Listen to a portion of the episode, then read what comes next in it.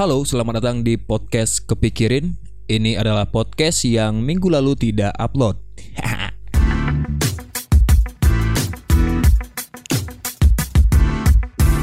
uh, harusnya sih minggu lalu saya itu bikin podcast ya. Sebenarnya konsepnya sudah dibikin bukan konsep sih, tapi sudah tahu hal apa yang mau diomongin di podcast ini dan niatnya itu akan direkam atau di tapping di hari Selasa. Tapi pada kenyataannya di hari Selasa itu saya tidak bisa sehingga uh, harus diundur dan niatnya di hari Rabu, Rabu malam. Dan Rabu malam juga tidak bisa, akhirnya mundur lagi di hari Kamis. Dan tentunya di hari Kamis saya juga lupa. Jadi ya lanjut uh, kesibukan di hari Jumat, Sabtu, Minggu, Senin, Selasa.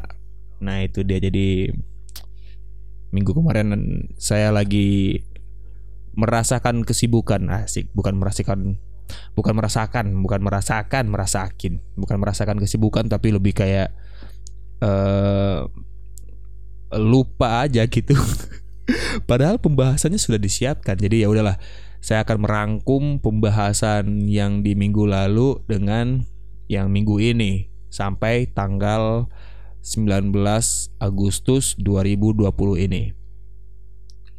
Uh, pembahasan pertama untuk anda uh, penggemar uh, Pacah Parwi untuk orang awak sadonyo pun mungkin anda yang tidak bukan orang Minang tapi juga nonton Pacah Parwi ini ada kabar ber, kabar kabar kabari ya kebelibet nih ini udah udah seminggu nggak bikin podcast jadi mulut saya emang uh, basera ya apa tidak teratur kembali. Jadi saya kan bikin podcast ini supaya saya lancar gitu ngomongnya secara uh, uhui, secara spontan uhui.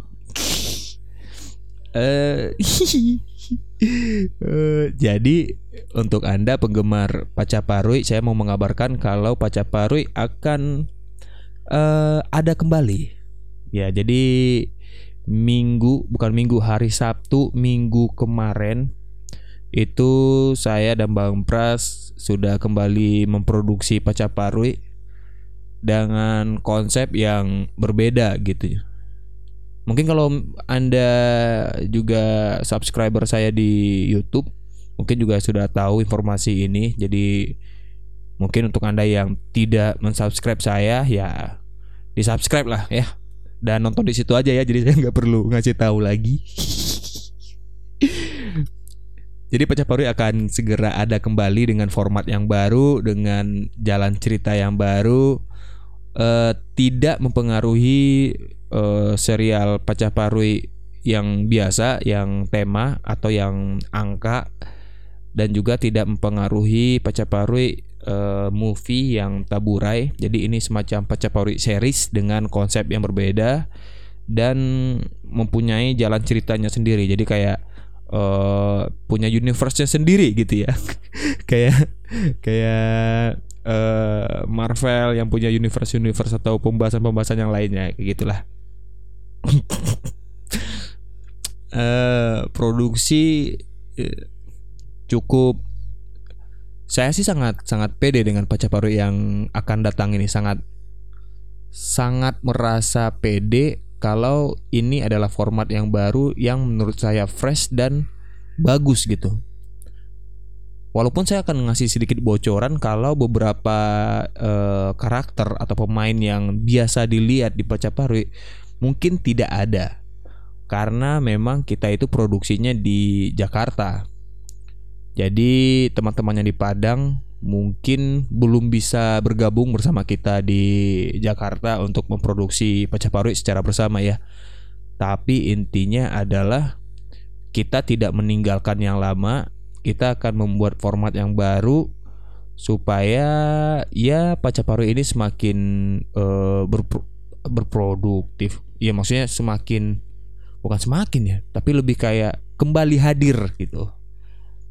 Ya karena karena mungkin juga salah satunya keinginan untuk kembali uh, berakting berkomedi di suasana Pacaparui nah uh, tapi dengan suasana di Jakarta gitu hmm, bukan berarti Pacaparui yang angka itu udah habis ya itu bakalan ada juga kalau misalnya kita semua berada di Padang dan sangat memungkinkan untuk produksi Pacaparui di Padang. Oh ya satu lagi untuk untuk anda yang yang juga suka Pacaparui dengan jalan cerita pendek itu di Padang teman-teman Pacaparui Padang lagi produksi untuk uh, komedi Instagram sketsa-sketsa video di Instagram gitu durasi-durasi pendek yang dua menit satu menit itu yang ada di Instagram silakan follow at pacaparui.id di situ bakal selalu rilis kayaknya. Ini dia mereka di Padang juga lagi produktif kayaknya. Ada Tio juga ada Wahyu ada Pogba. Ya dan beberapa teman-teman yang lainnya yang juga bisa ikut waktu itu. Itu pembahasan pertama ya untuk anda penggemar uh, Pacapari untuk anda penggemar saya tidak tidak saya tidak saya tidak akan membahas itu sih penggemar saya apa sih? uh, pembahasan selanjutnya itu apa ya kemarin ya? Saya jadi lupa. Pembahasan Pacaparoi. Habis itu pembahasan soal uh, Oh iya. Saya memperbaiki Bingka untuk Anda yang tidak tahu Bingka, silakan mendengarkan podcast-podcast saya sebelumnya karena Bingka adalah sosok uh, sosok apa ya karakter yang akan saya bawa terus-terusan dalam podcast ini. Bingka Bingka kan sebenarnya Bingka itu sudah dalam kondisi tidak tidak ini apa? Tidak baik lah dalam kondisi dia itu lagi bermasalah, semuanya bermasalah. Jadi kemarin itu waktu ke Depok, saya itu sudah berencana untuk uh, memperbaiki bingka. Ini untuk anda yang nggak tahu, bingka itu motor saya ya. Jadi waktu pertama kali bikin Pacaparui yang Sabtu Sabtu Minggu kemarin, bukan minggu ini, bukan minggu yang kemarin, tapi minggu yang lusa ya. Tanggal berapa ya dia? Pokoknya bukan yang Sabtu kemarin, Sabtu satunya lagi. Nah itu kan niat awalnya saya itu mau e, memperbaiki bingka di Depok. Karena jujur saya di di area kos saya saya itu tidak tidak tahu bengkel juga tidak tidak merasa nyaman. Pernah nggak sih ngerasa tidak tidak percaya dengan bengkel? kalau kalau misalnya Anda tidak punya bengkel langganan di area tempat tinggal Anda, itu adalah hal yang sangat menyulitkan Anda ketika Anda pengen uh, servis motor atau pengen uh, apa kayak ganti mesin, ganti oli, pokoknya dalam hal permotoran Anda Anda tuh harus mengenal atau dekat dengan salah satu pemilik bengkel yang ada di daerah rumah Anda. Itu sih kunci hidup yang aman untuk anda yang mempunyai kendaraan bermotor. Karena saya jujur pribadi saya itu susah percaya dengan dengan bengkel-bengkel yang ada di Jakarta. Nggak tahu deh kenapa. Kalau di Padang saya punya punya uh, bengkel langganan yang dia itu nggak cuma nggak cuma apa ya nggak cuma memperbaiki motor dia juga memberikan edukasi kepada saya. Nah, beberapa bengkel yang pernah saya datangi itu selalu hanya mengerja, mengerjakan tugasnya. Sisanya nggak tahu lagi tuh. Jadi kayak ini uh, motornya ini gitu. Rusak terus dicek-cek-cek, diganti, diservis baik-baik sampai udah baik dan udah bayar dan pergi gitu. Nah, bengkel langganan saya ini ini memberikan edukasi gitu. Jadi kalau misalnya ada kendala di motor, dia cerita gitu kayak oh ternyata kalau ini kendalanya di sini kamu jangan terlalu gini-gini nah kalau yang kayak gini berarti olinya gini-gini nah kalau yang kayak gini gini gini gini gini jadi jadi merasa saya itu nyaman dan tidak dibodoh-bodohi. Mungkin mungkin Anda sepakat dengan saya kalau eh, satu kali atau dua kali Anda pernah merasa dibodohi oleh eh, orang bengkel. merasa merasa kayak ini benar nggak sih? Ini kayak oh bukan dibodohi tapi merasa tidak percaya. Sorry, sorry. Merasa tidak percaya dengan orang bengkel gitu. Ini saya mau saya mau cerita tentang salah satu uh, bengkel tambal ban ya, lebih tepatnya tambal ban di dekat rumah saya. Uh, sudah lama, sudah lama saya di di di di selalu kalau misalnya ada bocor ban atau ganti ban dalam saya selalu ke sana. Saya itu pernah ke sana dengan bawa eh dengan kondisi ban motor saya itu bocor nih ban ban dalam kalau di Padang sebutnya benen ya ban dalam itu bocor terus ditambal kan ke situ ke bengkel itu. Datang tuh sen datang ke sana dia buka ban dalamnya. Terus dia cek ban dalamnya. Terus dia bilang gini nih e, ini ban dalamnya udah nggak bagus nih gitu. Ganti aja. Waduh. Saya merasa kayak oh tidak ini trik dari dari yang tukang bengkel inginkan pastinya saya selalu apa uh, kita harus selalu merasa motor saya motor kita itu tidak tidak baik-baik saja sehingga harus diganti dengan yang baru. Nah saya tuh nggak nggak mau ya seperti itu. Jadi jadi dia bilang gitu tuh ini motornya eh ini ban dalamnya udah nggak bagus gitu ganti yang baru aja Terus saya bilang, "Kenapa?" gitu. "Iya, ini lihat ini udah nggak bagus nih. Ini kalau saya tarik ya, ya, pakai pakai pakai ancaman. Tahap selanjutnya dia akan akan mengancam gitu. Ini kalau saya tarik, ini bannya bakal bakal robek loh gitu." Nah, saat di saat itu itu adalah momen di mana si tukang bengkel itu berusaha untuk untuk membuat anda yakin kalau benar ini ban dalam udah nggak bisa digunakan. Tapi karena waktu itu saya nggak tahu dan mungkin udah males atau apa atau berani aja gitu saya malah bilang gini, ya udah coba aja gitu. Ini kalau saya tarik bakal rusak nih bannya. Coba gitu, coba aja gitu. Dia dia ditarik-tarik tapi pada hasil hasilnya nggak nggak ada kerusakan gitu tuh lihat tuh tuh melar tuh tuh melar tuh ini ini bakal robek nih ini bakal robek nih berusaha untuk meyakinkan saya pada akhirnya uh, dia nanya balik gitu jadi gimana? gitu. Ganti ban dalam yang second ada yang baru ada gitu. Tapi tetap saya bilangnya nggak usah tambal aja gitu. Oh ya udah tambal aja. Tambal dengan perasaan kayaknya abang itu kayak ngerasa uh, kesal atau apa gitu karena saya karena saya memilih untuk ditambal aja gitu.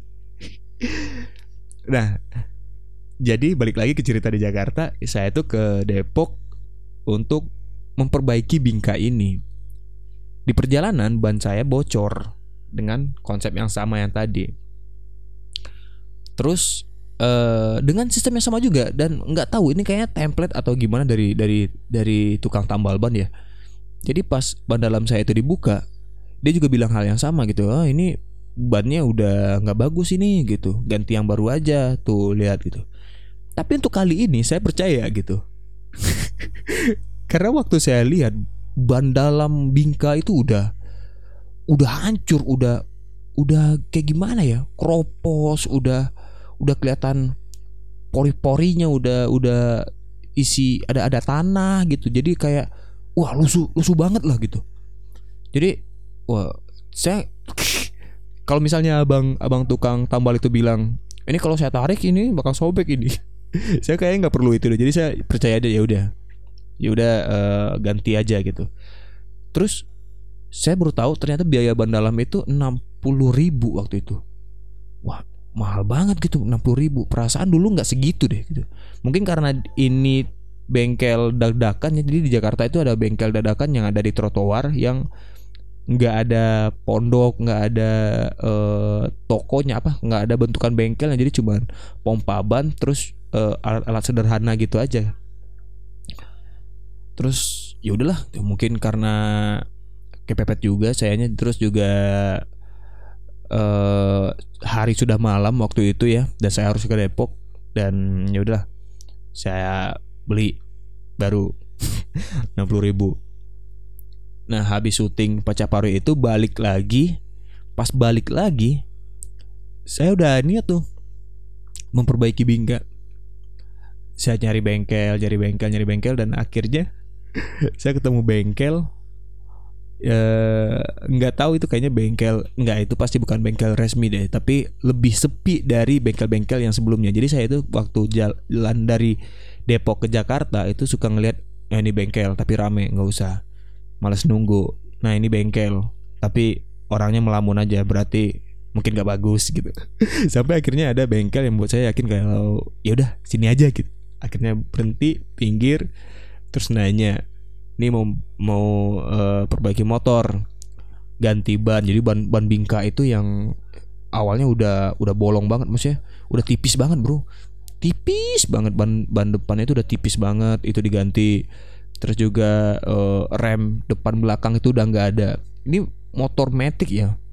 Motor metik bukan motor gigi. Jadi rem depan belakang itu udah nggak ada udah udah kosong udah udah udah nggak berfungsi itu diganti. Sekarang anda bisa membayangkan kan betapa ekstrimnya saya membawa motor mio lama tidak pakai rem ban depan botak terus lampunya juga redup gitu. Itu ke Depok ke Jakarta. Saya bawa ke bengkel itu dan akhirnya diperbaiki. Akhirnya ya Bingka jadi jadi sesuatu yang baru lagi. Dia juga kayaknya lagi bahagia bahagianya tidak ada masalah hidup di hidupnya. Dia kayak nyantai aja gitu nggak nggak kayak dulu yang ngambekan tiba-tiba mati terus susah dijalain. Nah kali ini kayaknya Bingka lebih lebih baik gitu lebih lebih senang dengan saya. Udah itu itu uh, cerita babak kedua ya. Cerita babak ketiga. Uh, sekarang sudah bulan Agustus Agustus, September, Oktober, November, Desember. Eh akan ada sesuatu karya karya dari saya untuk menutup tahun ini. Jadi saya lagi menggarap sebuah karya yang saya harap itu adalah karya terbaik yang saya berikan di tahun ini. Jadi eh saya berharap semoga uh, Anda yang dengar ini ya mungkin bisa menikmatinya suatu saat ya. Saya tidak tahu kapan jadinya tapi ini lagi diproses, lagi proses. Maksudnya ini lagi digarap ya, bahasanya digarap, lagi digarap dan semoga bisa kelar di akhir tahun ini dan saya juga berharap semoga itu menjadi uh, karya terbaik untuk menutup tahun 2020 yang penuh dengan wabah ini ya. Bukan hanya wabah corona sih. Kita juga berada di uh, finansial yang buruk kita juga uh, sosial yang nggak bagus terus juga kita berada di uh, lingkungan yang bisa dikatakan tidak baik. Ya saya semoga ber, saya, saya berharap lah ini akan menjadi uh, karya penutup untuk tahun 2020 Semoga karya ini menjadi karya yang yang bisa memberikan dampak bagus lah. Saya tuh kalau bikin karya saya selalu berharap karya saya ini bisa memberikan dampak yang bagus untuk para penikmatnya. Bukan untuk semua orang ya, tapi untuk para penikmatnya. Ya itu aja sih dari saya. Terima kasih sudah itu kan belibet gara-gara anjing gara-gara gara-gara minggu kemarin nggak bikin podcast jadi ngomong sendiri jadi belibet Oke, udahlah. Terima kasih sudah mendengarkan podcast Kepikirin dan sehat selalu pastinya. Dan tunggu ya karya dari saya. Terima kasih banyak. Jangan lupa banyak-banyak minum air putih.